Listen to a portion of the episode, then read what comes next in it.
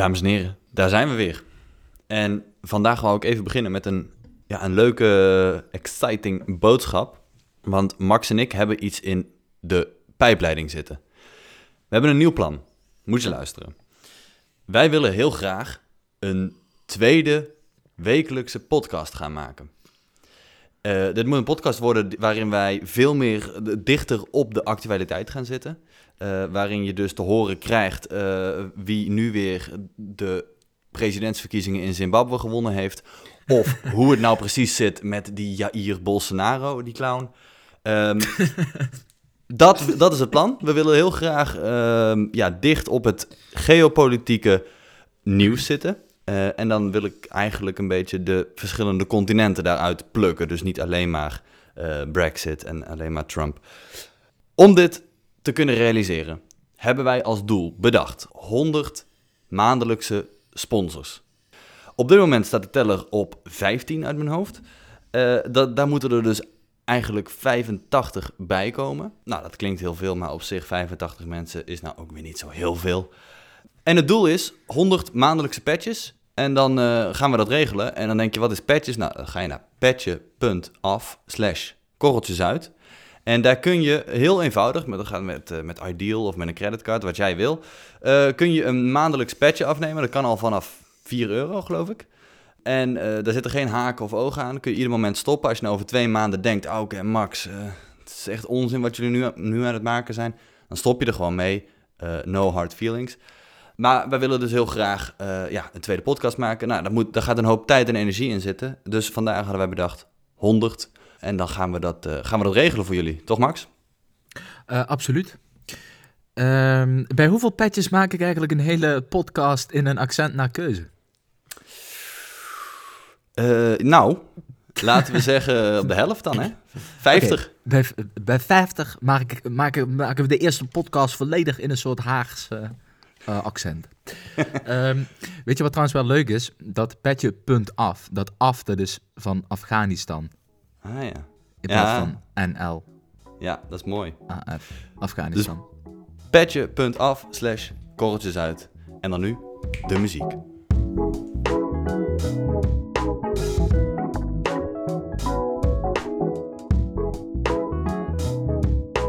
Dit is met een korreltjes uit. In deze podcast nemen we je wekelijks mee naar internationale obscuriteiten en geopolitieke uithoeken. Ongezouten, maar met smaak. Wij zijn Max en Auke. Welkom.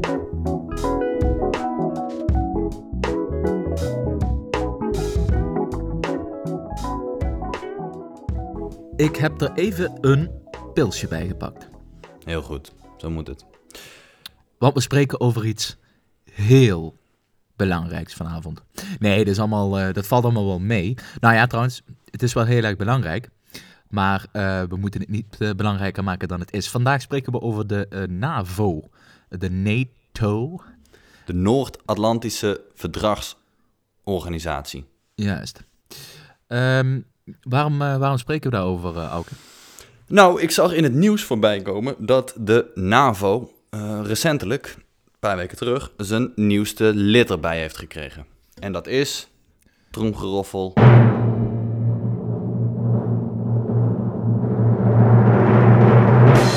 Noord-Macedonië.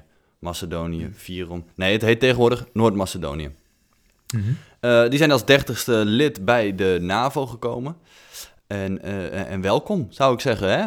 Alle Macedonesische luisteraars. Hoe zeg je dat eigenlijk? Macedoniërs, denk ik. Oh ja, Noord-Macedoniërs. Ja, welkom bij de club. De club van 30 op dit moment. Uh, want ja, wat, wat houdt dat nou precies in als je dus lid bent van de NAVO? Het is eigenlijk heel simpel, toch? Het is een... Het is een, het is een wacht, uh... wacht, wacht, heel eventjes. Eerst even een stapje terug. Je begint... Ik ken dat land sowieso eigenlijk alleen maar als Macedonië. Ja. Ja, zegt... oh, ja. Ja, oké. Okay. Laten, we het, laten we het daar even, heel even kort over hebben. Een minuutje of, of vijf. Macedonië. Ik moet zeggen, tegenwoordig heet het Noord-Macedonië. Want zij zijn... Uh, wat was het? Vorig jaar hebben zij een officiële naamswijziging doorgegaan. Um, dat, is, dat is namelijk een, een conflict tussen de Macedoniërs, de Noord-Macedoniërs, en de Grieken. die hebben al een jaar of 25 zitten, liggen die met elkaar in de clinch. Mhm. Omdat na het opbreken van eh, de Joe- Joegoslavië, 1991 in hun geval... Ja, toen eh, moesten zij een naam hebben en zij wilden zichzelf graag eh, Macedonië noemen. Zo heten ze ook officieel, The Republic of Macedonië. Ja. Ehm, maar die Grieken, trots als ze zijn, die waren het daar niet mee eens. Hoe zit dat nou?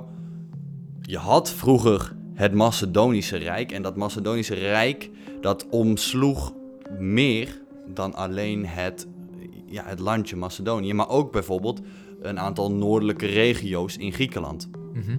Daar kwam Alexander de Groot ook vandaan. Juist, ja, ja precies. Ehm, waaronder, volgens mij is de ene grootste stad van Griekenland, Thessaloniki. Eh, die ligt dus in het Griekse eh, ja, Macedonië. Nou, dus die Grieken die eh, vonden dat dan niet chill, omdat, omdat ze dan dachten, ja, dat heet Macedonië, dat kan wel verwarring veroorzaken internationaal. Ehm, ja, die Grieken die gingen daar keihard tegenin. En die hebben dus uitgevochten dat eh, toen Macedonië bij de eh, Verenigde Naties als, als lid kwam, dat ze dus officieel niet Macedonië mochten heten, maar officieel heten ze eh, de former Yugoslav Republic of Macedonië. Eh, een hele mond vol. Ehm, ja, en Vier die ronde- Mace- Oh ja, dus, ja oké, ik snap het. Former, ja, former. Ja, dus, nou ja, ja, die Macedoniërs waren het uiteindelijk toch ook niet heel eh, tevreden mee. Want ja, eh, dat is nou niet per se een hele chille naam om te hebben. Ja, en dat is eigenlijk gewoon een soort puberaal, kinderlijk gevecht geworden. Van wat, wat een jaar of 25 heeft geduurd. Echt, ik heb me er een beetje over ingelezen. En ik snap die Grieken totaal niet. Je gaat, die hebben dus 25 jaar lang ontzettend moeilijk lopen doen. Die hebben embargo's ingesteld. Die hebben eh, uiteindelijk in de Verenigde Naties met de VN als soort mediator gesprekken gevoerd. 25 jaar lang, Max. 25 jaar lang hebben zij lopen vechten tegen het feit dat hun noord noorderbuur Macedonië heet. Nou, dan denk ik, ik kom uit Noord-Brabant. Want in België ligt er ook een provincie die heet Brabant. Nou, ik heb daar nog nooit iemand moeilijk over horen doen, maar goed. Ehm, ja, uiteindelijk hebben ze daar eh, vorig jaar, eh, ja, zijn ze toch maar tot de conclusie gekomen, laten we het Noord-Macedonië noemen. Allebei de landen zijn ermee akkoord gegaan na, ja, ik zeg het nog een keer, 25 jaar. Ja, het is En natuurlijk alle- ook wel onhandig, want als je dan, dan eh, dus die Grieken, de- en die, die Grieken die hebben dan allemaal van die diplomaten, maar eer dat die een keer een beetje fatsoenlijk eh, diplomatiek werk afleveren, ehm, dan, dan zitten die alweer op de pensioenleeftijd en dan, moet die weer, dan kunnen die weer naar huis. Dus dat, daarom duurt Ja, dat natuurlijk Dat 25 vertraagt jaar. de duurt boel het- flink. Ja, precies.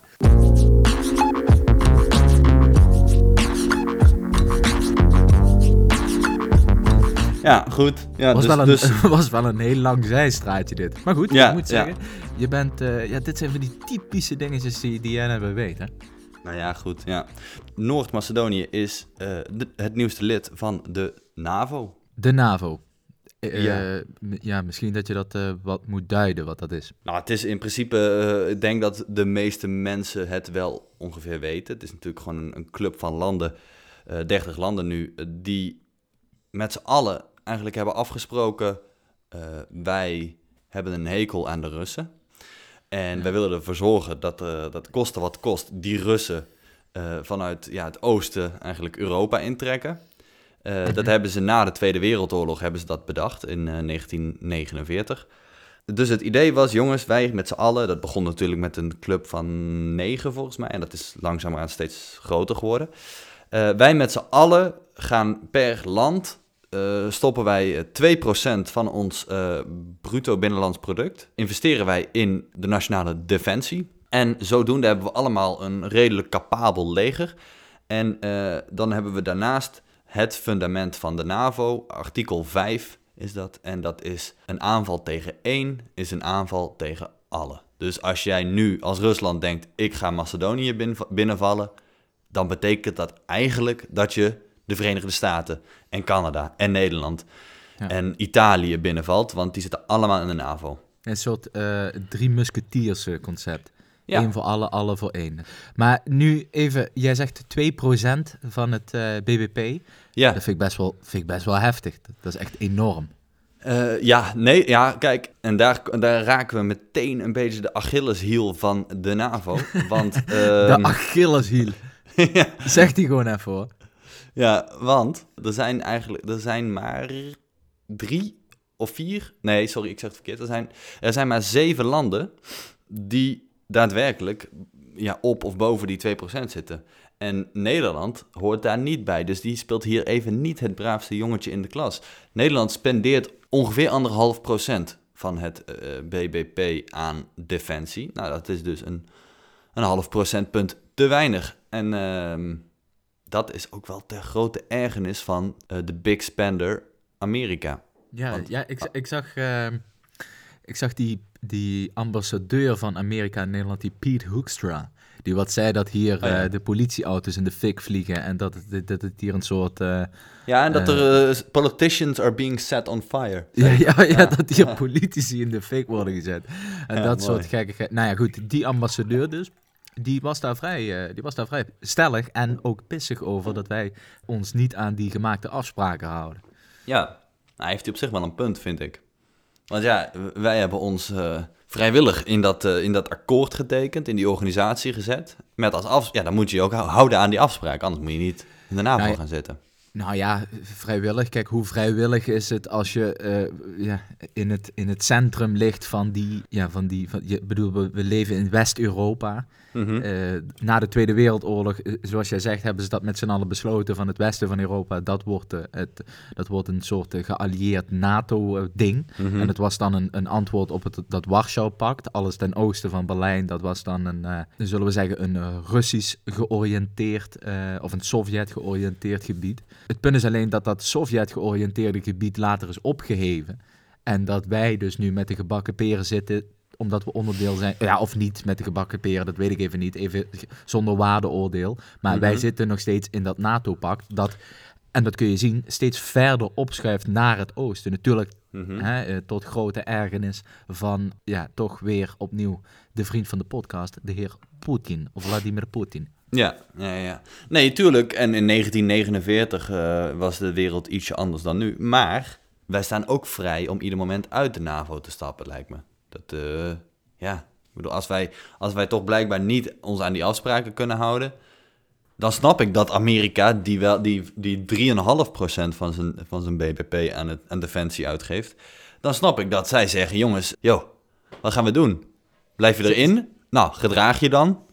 Wil, wil je dat niet, dan, ja, dan ga er maar uit. Of dan gaan we jullie ook niet meer verdedigen. Ja, dat, dat snap ik. Zit Zwitserland bijvoorbeeld in de NAVO?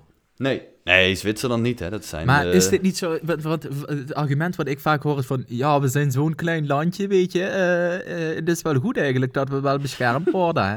Maar kijk, je kan ook zeggen, ik ben neutraal, snap je? Ik, eh, mhm. ik, ik, ik, ik zie wel wat er gebeurt. Ik heb verder niet, niet, geen heel goed zicht op al dat soort militaire strategieën.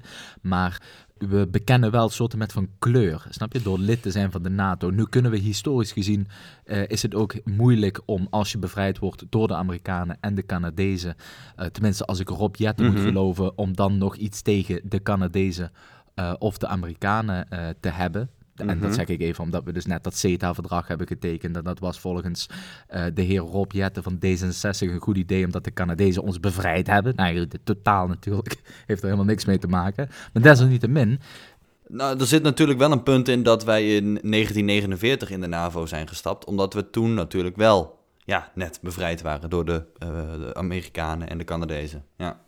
Ja goed, maar dus, eh, en dan gaan we misschien toch wat dieper in op die eh, internationale betrekkingen theorie.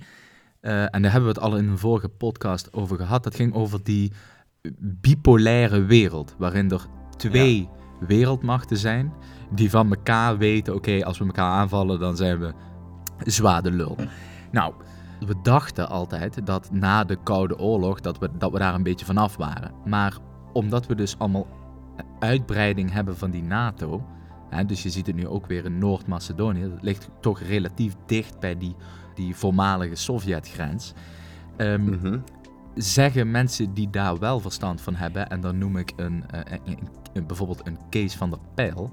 Dat is een eh, emeritus hoogleraar van de University of Sussex in de internationale betrekkingen dan. Die zegt, we hebben opnieuw te maken met een soort bipolar system, waarin je dus een NATO hebt aan de ene kant, net zoals dat je Mhm. dat in 1949 had, en een Sovjet-Unie aan de andere kant. Die zetten eh, allerlei pelotons met, eh, met, met, met eh, luchtafweergeschut en weet ik het Mhm. allemaal niet aan die grens. En dan bedoel ik dus even de grens van Europa met Rusland. Mhm. En een heel goed voorbeeld daarvan, eh, en natuurlijk een tragisch voorbeeld voor, eh, voor de Nederlanders, is natuurlijk dat wat in Oekraïne gebeurt, in Oost-Oekraïne, die oorlog tussen. eh, ja, eigenlijk is dat een oorlog tussen twee ideologieën. Mhm. En daar is dan ook niet die MH17 eh, neergehaald door een, een Russische, wordt gedacht, bukraket. Ja, wat je zegt, die twee, die, die bipolaire wereld. Hoe denken die Russen daarover? Want ik kan me voorstellen dat die Russen hebben natuurlijk ook een, ja, tussen haakjes, probleem aan hun zuidoostelijke grens. Je hebt daar China zitten, wat toch ook wel een wereldmacht ge- genoemd eh, mag worden. Mhm. Nou ja, kijk, het punt, met- China houdt zich dus op militair gebied relatief rustig. Of in ieder geval tegenover eh, Mhm. Amerika en tegenover eh, Rusland. Want die zijn veel meer bezig wat in die straat van Malacca en zo gebeurt. En wat op die, eh, Oh ja. wat op die eilanden ten oosten van China allemaal gebeurt. Ja, Ehm, omdat zij, ja, d- die Chinezen zijn echt typerende, dat noemen ze dan neo-mercantilisten. Met andere woorden, die willen hun eigen markt ehm, eh, uitbreiden en het liefst verbeteren en er zoveel mogelijk geld naar binnen harken. En Mhm. als ze daar eh, Rusland voor met rust moeten laten, of wie dan ook voor met rust moeten laten, dan doen ze dat ook. ja. Ehm, de Amerika heeft natuurlijk ook nog een ideologische agenda. De, vraag is, nu, nu Trump aan de macht is, wordt dat misschien minder. Maar goed, dat is even koffiedik kijken, dat moet nog allemaal blijken. Maar wat die Russen, die reactie van die Russen, die is niet mals. Want die Russen zeggen gewoon, eh, en dat is natuurlijk het punt, ja, dit hele problem- problematische met, met twee kernmachten. Die Russen zeggen, breid niet verder uit, kom niet dichterbij, want wij vallen aan. Nou, dan Mhm. kun je twee dingen doen. Je, je kan dat serieus nemen, omdat het risico op een aanval, en dat is dan, dan weet je dus meteen, ah, dat is een vrij pittige aanval hè, als, Rus, als Rusland begint. Dat, dat risico wil je niet nemen, dus hou je je koest en probeer je dat Mhm. op, op allerlei diplomatieke manieren eh, wat in goede banen eh, te leiden. En eh, een, een tweede iets is, en dat is de NATO misschien toch aan het doen, is om toch daar waar het kan eh, de invloedssfeer te, te vergroten. Dus dat zie je in, in, dus nu bijvoorbeeld in Noord-Macedonië, maar dat zie je ook in Oekraïne. Oekraïne is eigenlijk het beste voorbeeld van een land dat heel erg ja, eh, bevangen is door dat getouwtrek tussen het oosten en het westen. En dan heb ik het vooral over ja, dit, het, het ideologische oosten en westen.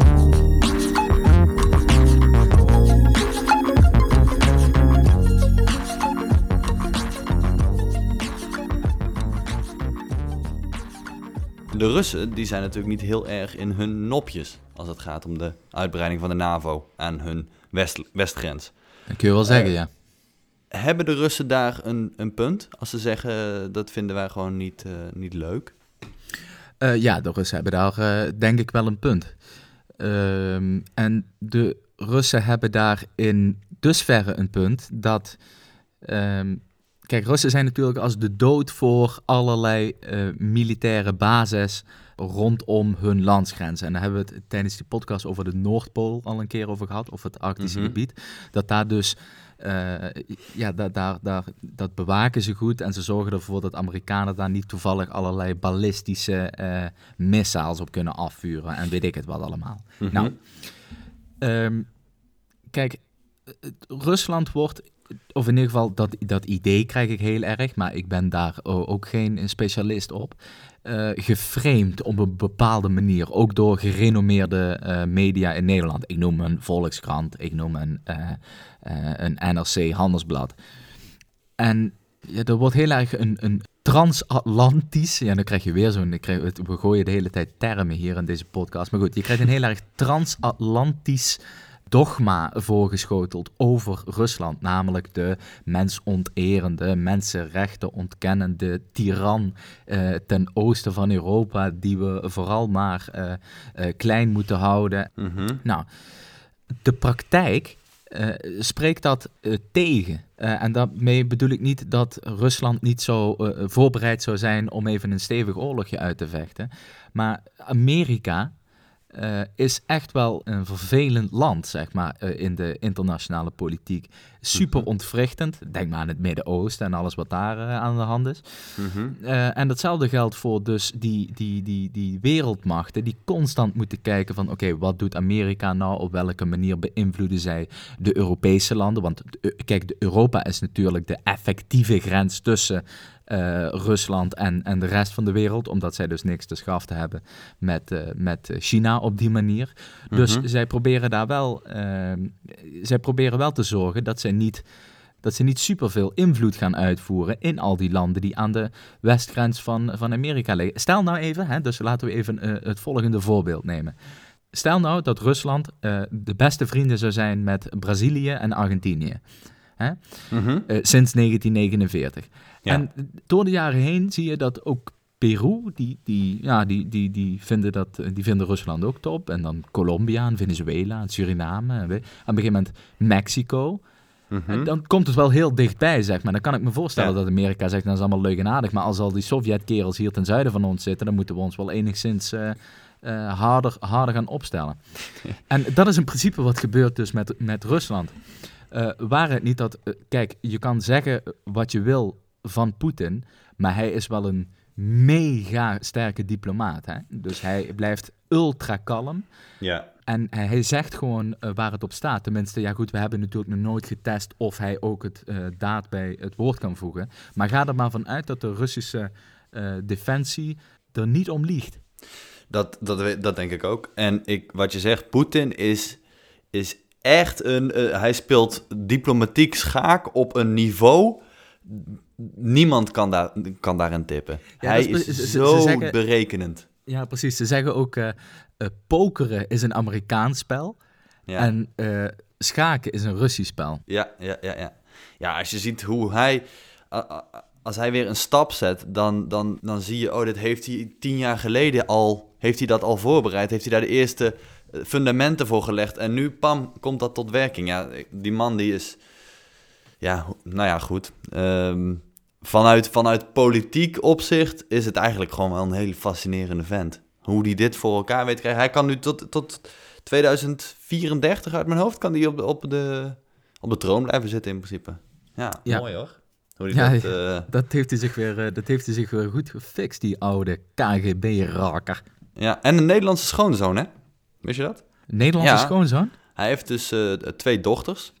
Eh, Ja. En een van zijn dochters is, naar verluid, met een Nederlandse. Nederlander, sorry, ja. Ja, Zo hè, is wel En die hebben ook- getrouwd dan. ja maar god, ik zou me helemaal... Ik zou eh, zeven kleuren in mijn broek schijten als, als, als, ik, als mijn vriendin in één keer eh, blijkt dat ze de dochter van Poetin is. En dan moet je je schoonpa gaan ontmoeten. Poh. Ja, ach goed, Ja. ja. Nou, doe maar alsof je thuis bent. nou, dit is meer als doe, doe maar alsof je thuis bent.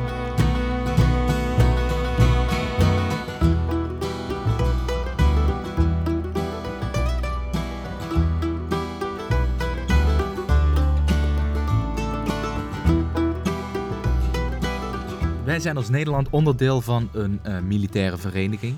En dat, dat- Mhm. dat- het hoofdkant, trouwens, het hoofdkwartier, dat ligt in eh, Brussel. Dat Mhm. kostte meer dan een miljard. Heb je daar wel eens een foto van gezien?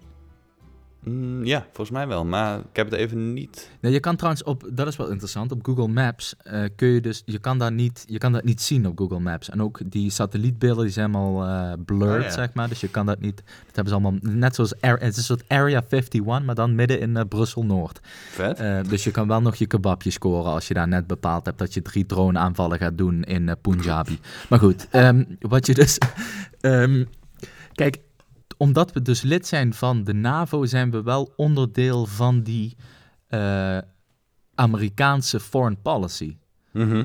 Ja, absoluut. Ehm, en je zou, zomaar, je zou je zomaar kunnen bedenken dat dat op lange termijn eh, best wel eens een probleem zou kunnen opleveren. Namelijk dat als je te maken hebt met eh, een land dat zich echt militair gaat voorbereiden. Hè? Dus Mhm. stel dat Rusland echt denkt, ja, nu is het wel goed geweest eh, met, met, al dit, met al dit provoceren. Dan heb je dus als onderdeel van de NAVO Omdat er dus dat artikel 5 is, namelijk dat als één lid wordt aangevallen, hè, dan moet je helpen, et cetera, et cetera. Ja.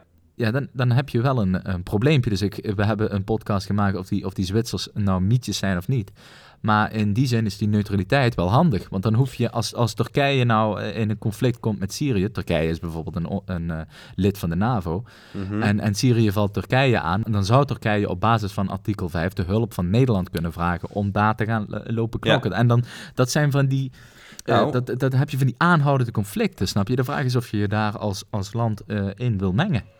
Nou, dat, is een goed punt, want eh, artikel 5 is in de geschiedenis van de NAVO pas één keer in werking getreden. Weet je wanneer? Ik heb geen idee. Op 12 september 2001. Dus ze moesten nog even een dagje nadenken. En toen hebben die Amerikanen toch artikel 5 eh, in werking eh, gesteld. En ja, nou, we hebben de vo- gevolgen gezien. We zijn allemaal naar Afghanistan, Irak, het hele Midden-Oosten hebben we gehad als gevolg daarvan. Dat is wel heel interessant, want dat was ook nog war on terrorism. Hè? Dus waar Mhm. de tegenstander ook niet heel duidelijk gedefinieerd is. Ja, absoluut. En ja. toen hebben we ons wel, eh, ja goed, ik, ik, je moet natuurlijk een beetje voorzichtig zijn met allemaal uitspraken doen over ons eh, defensiemechanisme. Maar we hebben ons toch laten lenen voor in ieder geval een aantal ehm, eh, missies in, in Kunduz en in Uruzgan, als ik me niet vergis, in Afghanistan, die toch niet super vruchtbaar eh, zijn gebleken achteraf. Sterker nog, Mhm. die hebben gewoon hele grote gedeeltes van bijvoorbeeld een land als Afghanistan eh ontwricht. Maar goed, daar moeten we misschien een volgende keer een podcast over maken. Ja, laten we dat doen.